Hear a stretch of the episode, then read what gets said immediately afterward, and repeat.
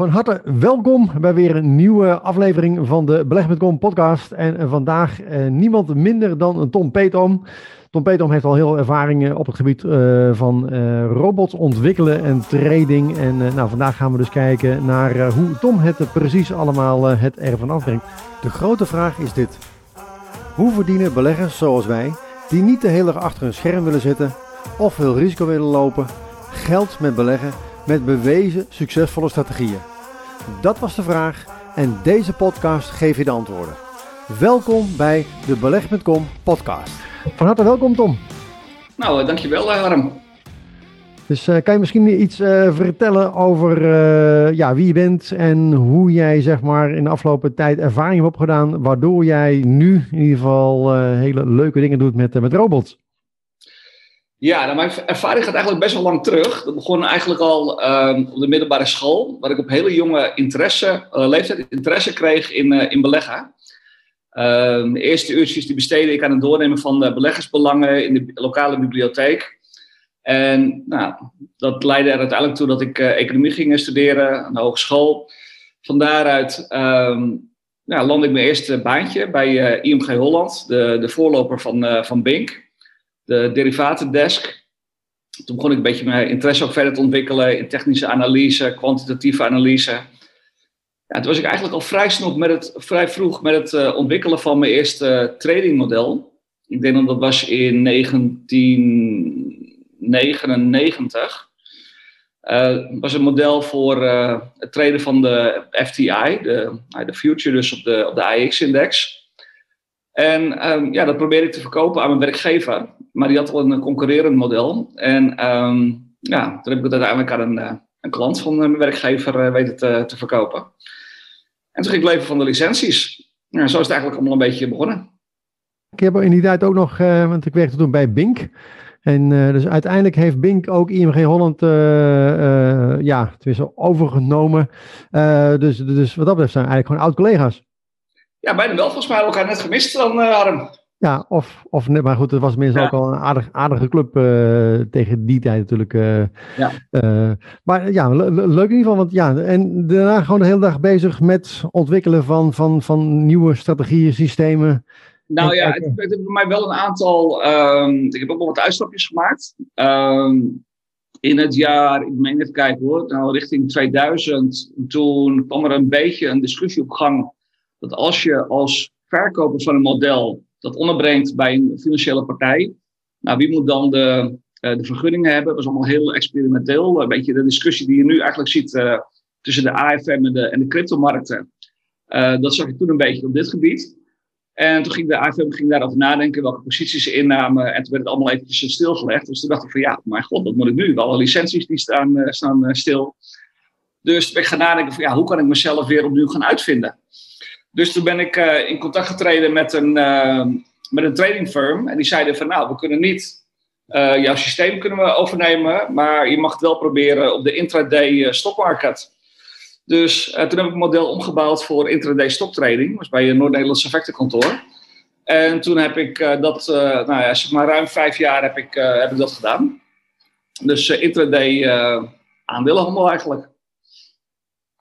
Nou, in, in, interessant. En, en, en toen in ieder geval uh, ja, ook gemerkt van hey, als ik modellen ontwikkel, systemen ontwikkel, dan uh, scheelt dat mij heel veel tijd. En waarschijnlijk ook in ieder geval heel veel geld, omdat je emo menselijke emoties niet hebt. Want ik denk dat, uh, ja, is, is dat niet een van de grootste voordelen van een robot? Dat je menselijke emoties uitschakelen? voordeel, dat je gedisciplineerd aan het handelen bent en dat je ook vertrouwen krijgt in het, in het systeem. Um, op het moment dat je maar wat doet, dan heb je ook eigenlijk heel weinig vertrouwen. Dus op het moment dat je totaal niet weet waar je mee bezig bent, dan uh, neem je te veel risico's op het moment nou ja, dat, dat het goed gaat. Um, en misschien ben je ook wel geneigd om te snel winst te nemen. Maar met name wat je dan doet, is uh, elke keer verliezen nemen. Omdat elke keer die pijn wordt uitvergroot. Uh, en dat is iets wat ik eigenlijk nog steeds wel veel terugzie bij beleggers. Dat, um, dat ze te veel leverage nemen, te veel risico. Um, en daardoor eigenlijk steeds bezig zijn om uh, verliezen te incasseren. Om, om maar die pijn te, te vermijden. En soms kan het ook zijn dat ze verliezen laten oplopen. Maar het is in ieder geval ja, dat stukje emotie waardoor uh, het ook wel eens fout kan gaan, om het zo maar even te zeggen. Ja. Dat is een voordeel van robots.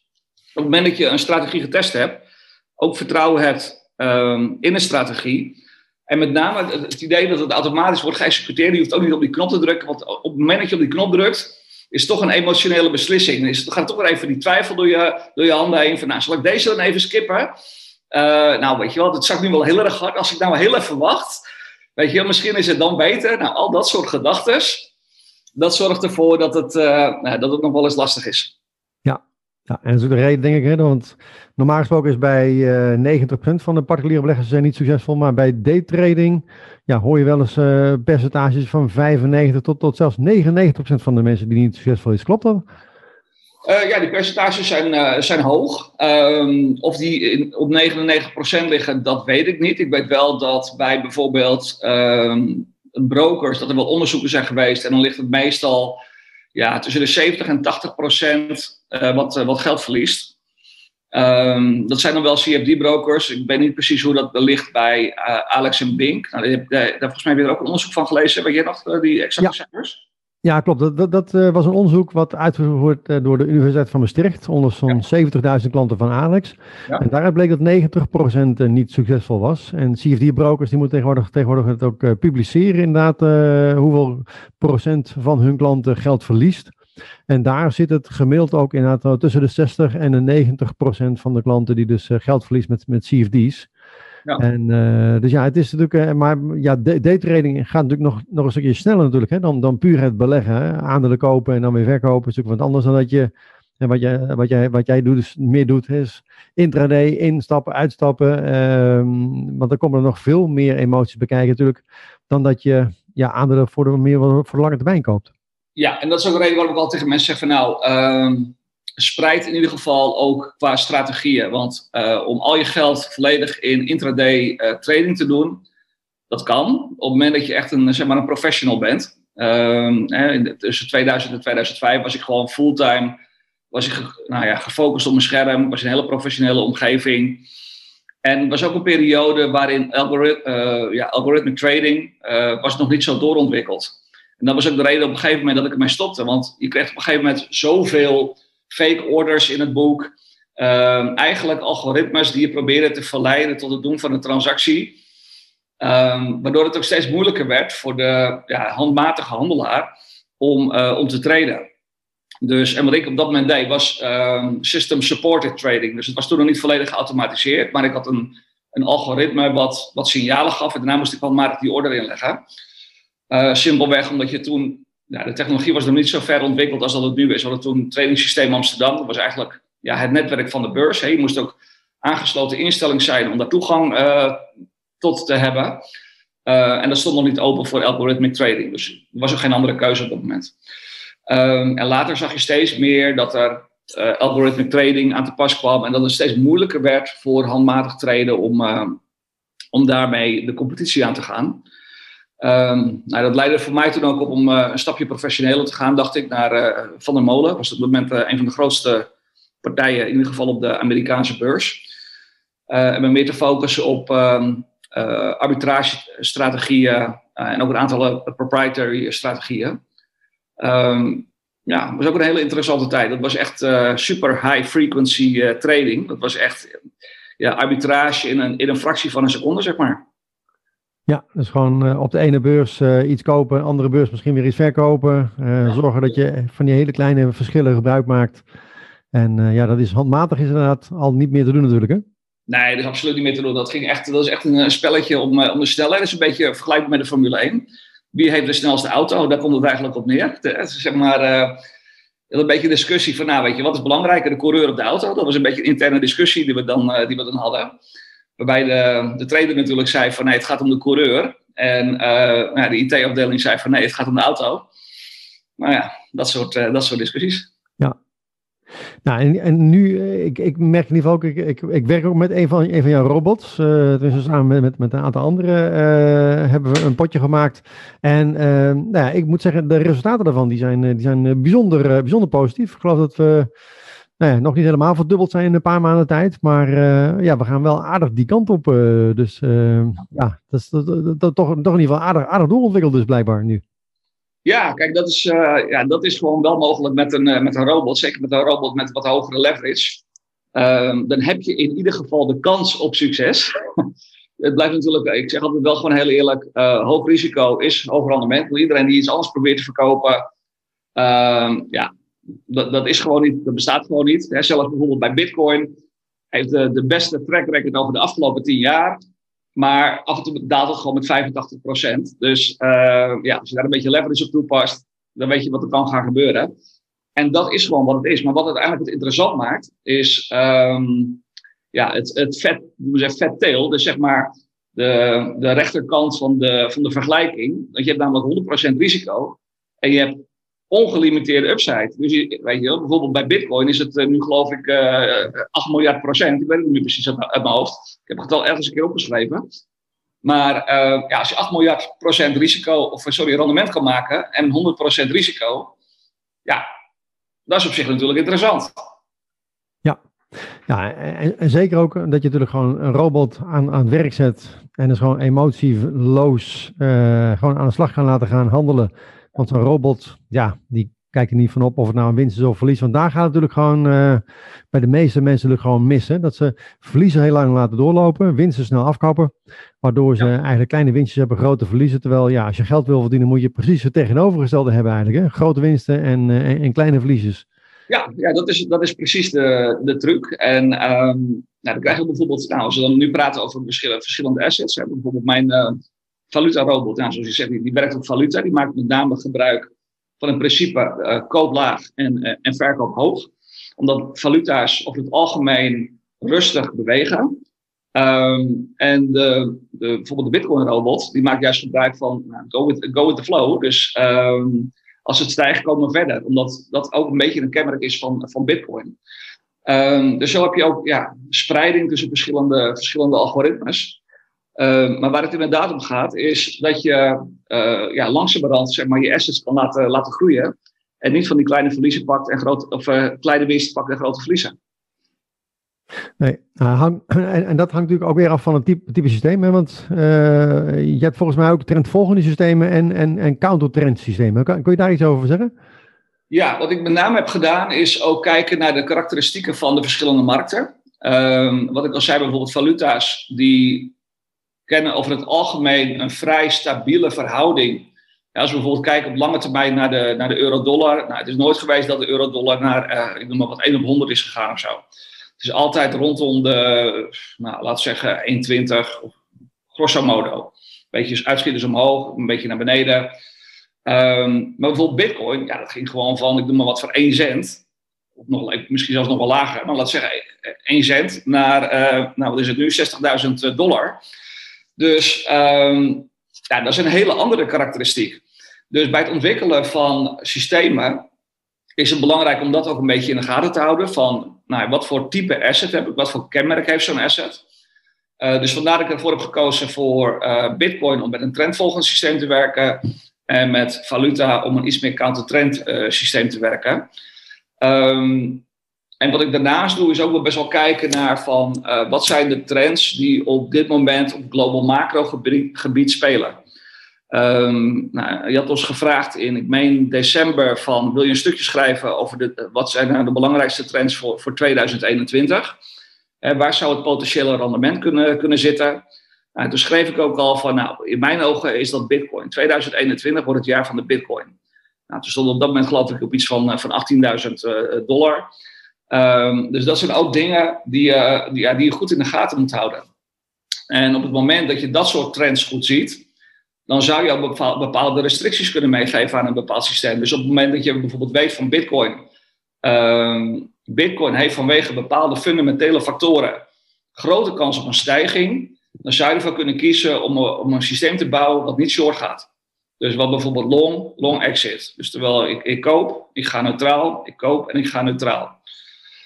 Um, ja, dat, dat zijn overwegingen die ik maak. En dan kijk ik ook bijvoorbeeld naar andere dingen. Bijvoorbeeld bij Bitcoin is een vrij ja, mechanisch en cyclisch proces wat daar ook achter zit.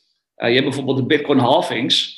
Uh, en de tijd tot aan de halvings. Dus het aantal maanden tot aan de halvings. En dat zegt ook iets over de koers. Uh, bekende analist, bijvoorbeeld Plan B. Nou, sommige luisteraars zullen daarvan gehoord hebben. Die heeft het ook mooi weergegeven via een stock-to-flow model. Um, en op basis daarvan zie je dus ook heel duidelijk die, die karakteristieken. Dus dat zijn allemaal dingen die ik dan meeneem. in combinatie dan ook met ja, on-chain analytics. Dus ehm, nou, waar gaan de, de coins naartoe? Gaan die naar, naar speculanten? Dan staan ze over het algemeen op de beurs. Of gaan die naar wallets die een historie hebben uh, dat ze niet verkopen?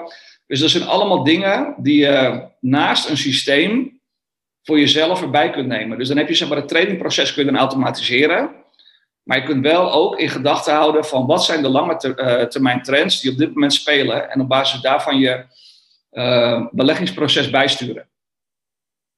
Ja, ja want die, die, uh, dat is inderdaad wel in, in het model wat, wat, wat de plan B uh, zeg maar heeft, uh, heeft ontwikkeld.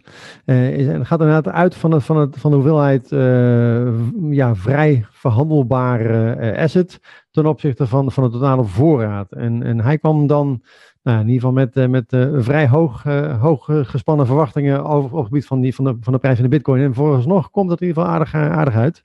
Dus, ja, de marketingprijs verwacht in uh, december, meen ik, van 288.000 dollar. Nou, ik heb dan uh, zelf een, uh, een intraday high berekend voor dit jaar. Nou ja, misschien dat het januari nog zou kunnen zijn, maar in ieder geval de komende maanden voor, van 335.000 dollar. Dus ja, dat is redelijk, redelijk positief. Ja, het zijn natuurlijk uh, ja, een enorme, enorme stijgingspercentage. Zeker als je het vergelijkt met bijvoorbeeld een, eh, een, een spaarrekening. Dan, uh, ja. En je ziet ook steeds meer particuliere beleggers, maar ook instituten nu op, op, op, op die bitcoin instappen. Dat legt natuurlijk ook wel een bepaalde bodem, denk ik, onder die markt. Ja, dat is iets wat je, wat je steeds meer ziet. Uh, ziet MicroStrategy is natuurlijk daar een, een voortrekker in. Uh, die ook een conferentie heeft gegeven voor uh, corporaties, dus voor bedrijven, over wat Bitcoin voor hun zou kunnen betekenen. Um, op basis daarvan is bijvoorbeeld ook Tesla ingestapt. Uh, en ik vind het een hele interessante gedachte die ze, die ze hebben. Um, hoe Michael Saylor redeneert is dat uh, er twee typen inflatie zijn. Uh, hij noemt het asset-inflatie, andere partijen noemen dat monetaire inflatie. En wat het eigenlijk op neerkomt is dat door het, het bijdrukken van geld dat, uh, dat er wel inflatie is, maar die is veel hoger dan bijvoorbeeld de, de CPI. En waar komt zich dat nou uh, tot een uitdrukking? Nou, dat is bijvoorbeeld de prijs van aandelen, de prijs van onroerend goed. En dus stel bijvoorbeeld, jij hebt een, nou ja, je hebt een bedrijf en je wil een, een concurrent overnemen. Ja, als je een jaar wacht, dan is hij een jaar later is er waarschijnlijk de prijs zo'n 15% duurder. Dus um, ja, op dat gebied hè, van, van bezittingen is de inflatie dus veel hoger dan bijvoorbeeld officiële, door overheden gecommuniceerde uh, inflatie. Er komt nog bij natuurlijk ook dat de overheden een bepaald belang hebben bij het zo laag mogelijk houden van, uh, van inflatie, omdat uh, bepaalde kosten van de overheid zijn ook, worden ook gelinkt aan de, aan de inflatie, zoals bijvoorbeeld uitkeringen. Maar goed, even terugkomend op, uh, op Michael Saylor. Ik denk dat hij een hele interessante gedachte heeft. Want uh, ja, als bedrijf wat met heel veel cash op de bank, wat ga je doen? Ga je, ga je aandelen inkopen? Nou, dat zorgt ervoor dat je, dat je minder solvabel wordt. Plus het is ook best wel lastig om die aandelen uh, snel in te kopen. Uh, dus het duurt best wel lang voordat je die aandelen allemaal dan hebt ingekocht. En intussen tikt de inflatie tikt ook door. Uh, en je bent dichter bij ja, insol insolvency. um, dus um, ja, en als je dan kunt kiezen voor een asset die over de afgelopen 10 jaar uh, eh, 200% per jaar is gestegen, ja, dan denk ik dat hij uh, wel uh, best wel een goed punt heeft. Ja, ja vooral we weten gewoon, ja, er, er, is gewoon een bepaalde hoeveelheid bitcoins wat op de markt komt. en dat maakt het op die manier gewoon echt schaars. Terwijl we van dollars en euro's, uh, nou ook in, zeker in de afgelopen jaar natuurlijk hebben gezien, dat er uh, ja, geen enkele limiet is aan de hoeveelheid die in omloop kan worden, kan worden gebracht. Uh, dat, nou ja, dat is, dat, is zeker interessant wat je nu zegt. Als je nagaat dat sinds 1 januari 2020 de 39,1% meer dollars bij zijn gekomen. Ja, dat, dat geeft natuurlijk wel aan dat een drukker staat op de, op de assets en op de, op de economie. Dus we zien nu ook uh, bijvoorbeeld schaarse metalen zien we nu uh, fors uh, in, in waarde stijgen. Dus ja, er is zeker dreiging van, van inflatie. Ja, ja. Ja, ik denk, en ik denk dat iedereen die een klein beetje de financiële markt volgt en kijkt wat er op dit moment gebeurt in, in de economie, met corona, met het bijdrukken van geld, met natuurlijk alle steunmaatregelen vanuit de overheid, dat uh, ja, als er zoveel geld wordt, uh, wordt, wordt bijgedrukt, uh, dat dan ja, de aandelenkoersen vanzelf mee omhoog gaan. Niet zozeer omdat het zo goed gaat in de economie, maar meer omdat het eigenlijk gewoon ja, de waarde waar de aandelen in worden uitgedrukt, hè, in, in, in dollars of euro's, dat die juist steeds minder waard worden. Ik zat toevallig te kijken naar een gouden tientje. de laatste werd natuurlijk uitgegeven zo rond de ja, 73, zeg ik even uit mijn hoofd. En uh, nou, toen was die dus 10 gulden waard. En inmiddels, ik, ik, weet niet of, of je toevallig een inschatting kunt maken wat een gouden tientje nu waard is ongeveer. Nou ja, als je me vertelt hoeveel gram je weegt, dan kan ik een, een betere inschatting maken. Maar ik, ik, ik schrok me. Ik heb een paar jaar geleden een paar gekocht zeg maar, voor, voor 200 euro. Inmiddels staat die al op 600 euro per, per gouden tientje. Dus dan ga je dus van, van 10 gulden, hè, dat is ongeveer 4,5 euro. Uh, in de jaren 70, 4,5 euro is nu de 600 euro waard aan koopkracht. En uh, dan zul je misschien denken, ja, er zit een enorme luchtbel in. Maar uh, er werd vaker vergeleken hè, dat je 100 jaar geleden kon je uh, een maatpak kopen met, met twee gouden tientjes, hè, dus voor, uh, voor, voor 20 gulden. En nu kun je met nou, twee keer 600, 1200 euro, kun je nog steeds een maatpak laten maken. Dus de koopkracht blijft uh, gedurende de periode eigenlijk redelijk constant. Dus ja, het is niet zozeer dat inderdaad goud nu, denk ik, een enorme luchtbel, dat er nu een enorme luchtbel is. Meer een kwestie, denk ik, dat ja, de euro en de dollar eigenlijk gewoon steeds minder en minder waard worden. Ja, ik zit net een, uh, toevallig een, uh, een videootje te kijken over, uh, over dit hele gebeuren. En dan is de vraag altijd van, nou, wat is nou een Ponzi-scheme? Sommige mensen die zeggen van, ja, bitcoin is een Ponzi-scheme. Andere mensen zeggen, iets anders is een Ponzi-scheme. Maar als je er goed over nadenkt, dan is het gewoon het hele fiat-systeem is gewoon één groot Ponzi-scheme. Waarbij de tekorten steeds, steeds groter worden. En ehm, ja, alles goed gaat zolang als uh, men het systeem blijft uh, vertrouwen. Net zoals nou, traditionele Ponzi-scheme. En zolang als er mensen bijkomen die, die daarin blijven stappen, dan, dan gaat het goed. Maar ehm, ja, ik denk dat het systeem een beetje op zijn op einde loopt. Er zijn langjarige cycli, en, maar uiteindelijk weten we één ding zeker. Alle fiat-valuta in de geschiedenis van de mensheid zijn uiteindelijk naar, naar nul gegaan. En ik geloof dat uh, de afgelopen 100 jaar is uh, de dollar volgens mij iets van uh, 98% aan, aan waarde verloren. Dus ehm, ja, gelukkig worden de dollar en euro ten opzichte van elkaar gemeten. Dus als alles met 98% daalt, ja, dan blijft de wisselkoers precies hetzelfde.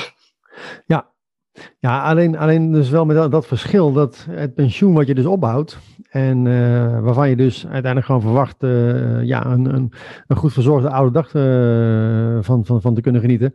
Dat blijkt uiteindelijk dan toch gewoon, omdat die koopkracht steeds verder terugloopt, ehm, ja, blijft er veel minder over eigenlijk om, om uiteindelijk gewoon ja, je, je, je, je kosten van je huisvesting en dergelijke, je voeding te betalen en dergelijke. Dus Um, dat is natuurlijk wel een van de dingen. Hè. En AOW uh, eh, is ook, ook gewoon, uh, een voorbeeld wat je noemt, is ook geïndexeerd natuurlijk. Hè. Gaat mee met de inflatie.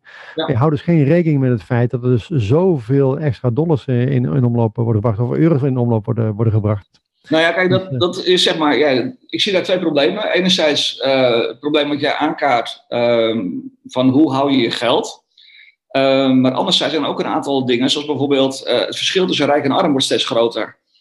Um, ik zat net een studie te kijken van, uh, van Ray Dalio. En dat ging over de, ja, de verdeling tussen inkomens. Dus zeg maar de, de 10% hoogste inkomens of 20% hoogste inkomens.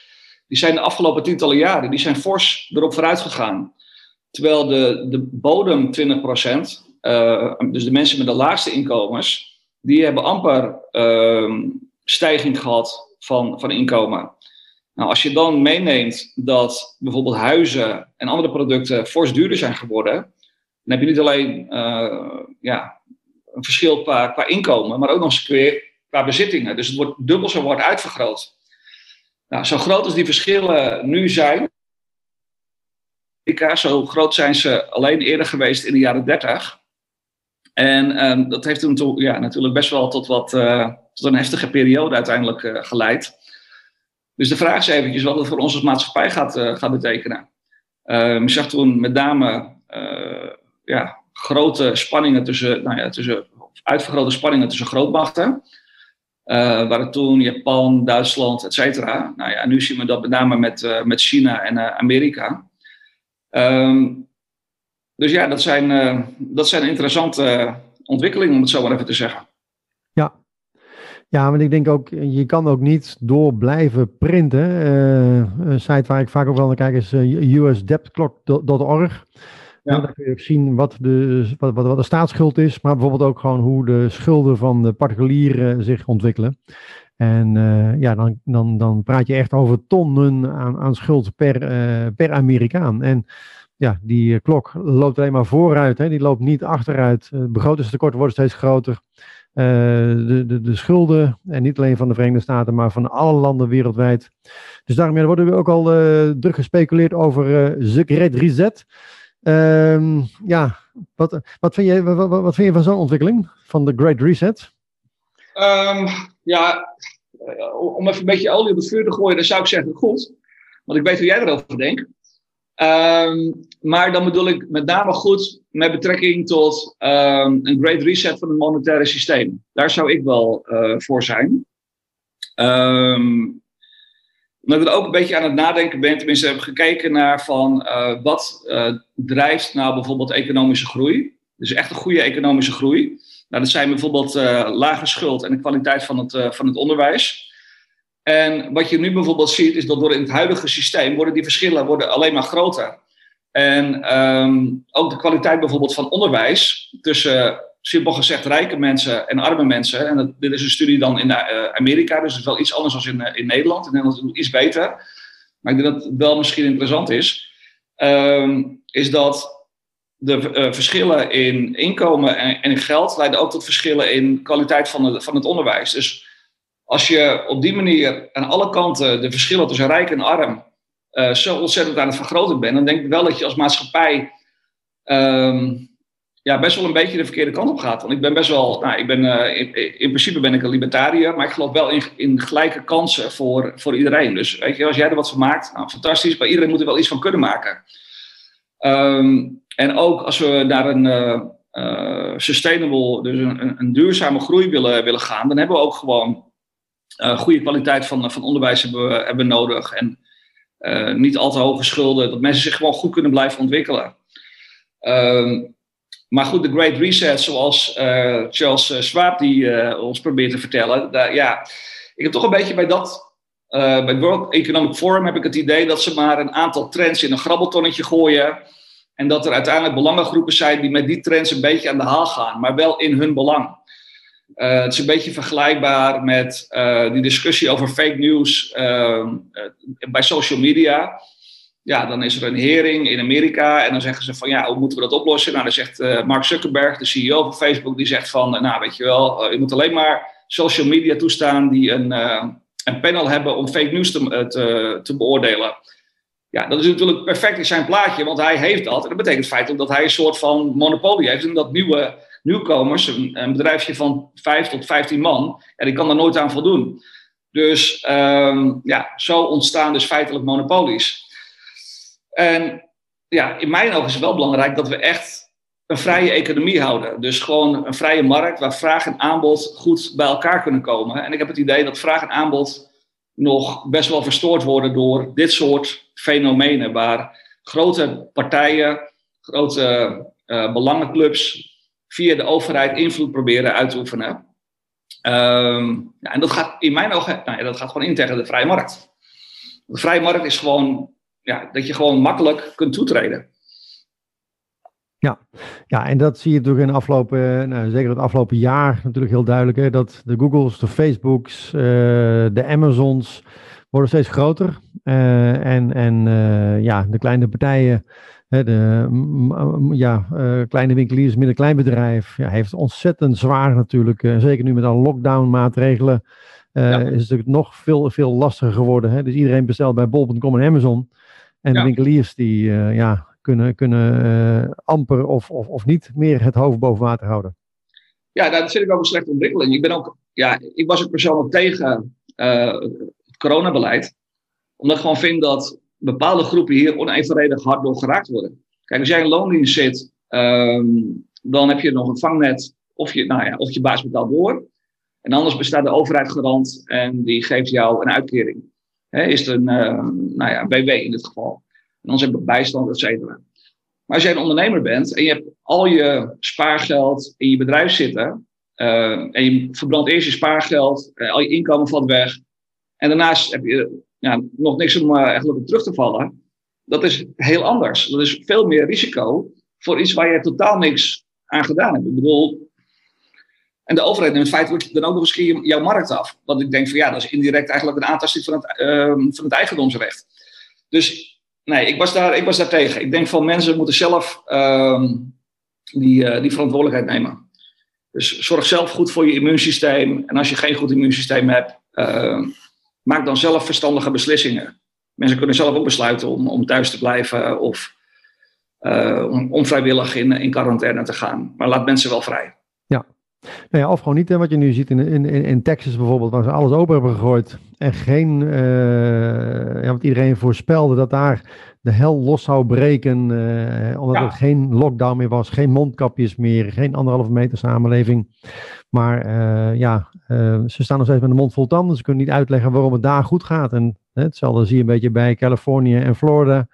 Uh, de ene heeft alles opengegooid, de andere alles, alles dichtgegooid. En uh, ja, waar alles open is, gaat, gaat het fantastisch. Alles, waar, waar alles dicht zit, doet, doet het niet zo goed. Dus ja, hopelijk dringen dat, dat soort feiten ook steeds ja, meer door in de maatschappij. En gaan mensen ook wel realiseren dat dit niet de oplossing is om, om de hele wereldeconomie ja, nog verder te gaan verschuiven richting arm, van arm naar rijk. En inderdaad, ja, de vrijwel onvermijdelijke Great Reset. Alleen ja, ik ben ook wat dat betreft gewoon net als jij voorstander van, van vrije markteconomie. Alleen ja, er moeten wel spelregels zijn dat inderdaad er nieuwe partijen kunnen, kunnen toetreden. Dat het niet een kwestie is dat alleen de grote partijen, zoals de Amazons en de Bol.coms, garen spinnen bij, bij, bij bepaald beleid. En, en de kleine retailers, midden- dat die wordt, wordt, wordt weggevaagd. Ja, en dat is natuurlijk wel wat er nu, wat er nu feitelijk is gebeurd. Ja, ja. Nou, en met alle gevolgen van dien, want uh, middenkleinbedrijf is verantwoordelijk voor twee derde van de werkgelegenheid in Nederland. Uh, uh, McKinsey verwacht dat voor het einde van het jaar ongeveer ruim de helft van het middenkleinbedrijf failliet is. Er wordt natuurlijk gewoon enorm ingeteerd op reserves en langzaam maar zeker ja, gaan nu steeds meer bedrijven verder in de, in problemen komen. En dat betekent dus als, als de helft van het middelklein bedrijf omvalt, dat je ongeveer ja, de helft van, twee derde van de werkgelegenheid, dus een derde van de mensen, een derde van de beroepsbevolking, dus zonder baan komt te zitten. Alleen al vanwege het feit dat uh, ja, middenkleinbedrijven dus gaat, gaat omvallen. En daarmee hol je natuurlijk ook voor een belangrijk deel ja, de middenklasse uit. Hè? dus dus je ziet dat de, rijke mensen steeds, steeds rijker worden. En dat zie ik aan bepaalde, bepaalde aandelenkoersen. Uh, van Ferrari bijvoorbeeld, uh, dat, dat gaat gewoon fantastisch. De, de, de, de, en, en, ja, en de bedrijven die, die, die zeg maar ja, voor een belangrijk deel eigenlijk de economie op, op ja, ja, dat de economie blijft draaien. Dat soort bedrijven zie je eigenlijk steeds meer in de problemen komen. Ja, dan moet ik wel zeggen dat ik wel heel veel vertrouwen heb in uh, juist eh, de innovatiekracht en het zichzelf opnieuw uitvinden van het, uh, van het MKB. Dus ik heb wel ja, echt ontzettend veel vertrouwen in de, in de ondernemers. Het is alleen natuurlijk wel, uh, ja, weet je wel, kun je zo'n klap nog te boven komen? Want stel bijvoorbeeld, nou, we hebben hier dan bijvoorbeeld een restauranteigenaar. Ja, die is gewoon een half, half miljoen is die ligt, ligt er omdat zijn restaurant door de overheid dicht moet ja, dat is best wel geld om even dat weer uh, te boven te komen. Dus sommige mensen die zullen die klap ook gewoon uh, ja, niet of, of ja, nou ja, gewoon niet te boven komen. En dat vind ik gewoon super sneu. Dus um, ja, wat dat betreft uh, zijn dit slechte ontwikkelingen. En ik, ik, hoop dat het snel achter de rug is en dat we snel weer, snel weer open gaan. Ja, ja. Ja, ik, uh, ik, ik hoop het ook. Maar goed, dan nog eventjes terug, terug te komen op de, op de robots. Hè, want ik denk dat dat in ieder geval ook, ook wel... Hoe kun je nu van, van, van, deze, van deze periode naar de toekomst toe ook profiteren door uh, ja, gebruik te maken van, van, van, van robots? Uh, want ehm, ja, als, als, als mensen meer informatie daarover willen, willen, willen weten, waar, waar kunnen ze aan terecht, Tom? Um, nou, ze kunnen mij sowieso een, uh, een e-mailtje sturen. Uh, maar het makkelijkste is misschien um, om Nou, ofwel via jouw platform. We hebben natuurlijk een aantal keer een, een, een, webinar gegeven. En zal ik ook de komende tijd weer wat, wat webinars gegeven. Dus waar ik echt wat dieper inga op de, op de materie. Anders even een e-mailtje sturen, tom.fxalgo. Um, nou, ik denk dat dat misschien op dit moment eventjes het, het makkelijkste is. Gewoon nog een website, uh, www.allmarketstrading.com. Kunnen ze ook nog op, uh, op kijken. Dus verschillende mogelijkheden. Um, ja, maar het leukste is misschien eventjes via jouw platform dat ze eens een keer inloggen op een, op een webinar waar ik wat meer uitleg geef op het, over, het, over de systemen. Ja, ja, ik, ik, ik ben in ieder geval eh, steeds enthousiaster als ik gewoon kijk naar de resultaten die, uh, die de robot boekt. En het feit dat die robot uh, natuurlijk gewoon toch uh, ja, 24-7 doorhandelt. Terwijl ik gewoon op één oor lig, gaat de robot gewoon lekker door. En ja. ja. heeft dus geen enkel probleem met emoties. handelt gewoon ja, de hele dag door. En dat is denk ik ook wel, wel een van de interessantste dingen. Hè, dat we gebruik kunnen maken van de huidige, huidige technologie. Dus die komt wel steeds meer binnen bereik van, van iedereen. Hè. Vroeger was inderdaad, hè, wat, je, wat je zei, uh, dat, dat zeg maar, alleen maar de grote partijen dat konden doen. Hè, de Formule 1 race. En nu is denk ik gewoon iedereen eigenlijk gewoon in staat met een internetverbinding. En een, uh, ja, en, en een computer uh, kun je op die manier denk ik gewoon allemaal gebruik maken van, die, van de huidige, huidige technologie. Ja, en uh, ja, er zijn ook verschillende manieren waarop het uh, geleverd kan worden. Bijvoorbeeld de Valuta-robot, uh, die wordt geleverd als een stukje software, waarbij we helpen om die te installeren in de cloud. Dus dan heb je dat ook niet meer op je lokale computer of wat dan ook. dus als de kat over de computer heen loopt, of er valt koffie over de computer en kortsluiting, wat dan ook, allemaal geen probleem. Het blijft gewoon 24-7, draait dat, draait dat door. Ehm, en de Bitcoin-robot, die wordt geleverd, omdat die iets minder vaak handelt, wordt die geleverd middels signalen. Dus via e-mail of via Telegram en dan kun je gewoon rustig uh, nog je order inkloppen bij je eigen broker. Leuk. Ja. Ontzettend bedankt. Uh, de luisteraars en kijkers ook in ieder geval ontzettend uh, bedankt. dus abonneer je op mijn, op mijn podcast. share of like deze video of deze podcast. Um, en laat hieronder ook een reactie achter, zodat we gewoon weten naar wat, wat voor zaken jouw interesse uitgaat, zodat we daar nog meer interviews op deze manier kunnen maken. Dus iedereen ontzettend bedankt en graag tot een, tot een volgend interview. Wil je meer weten over beleggen? Bestel dan jouw kopie van mijn boek in 10 stappen succesvol beleggen of meld je aan voor de gratis online training op www.beleggen.com. In mijn boek en training ontdek je stap voor stap hoe wij bewezen succesvolle strategieën gebruiken om geld te verdienen op de beurs.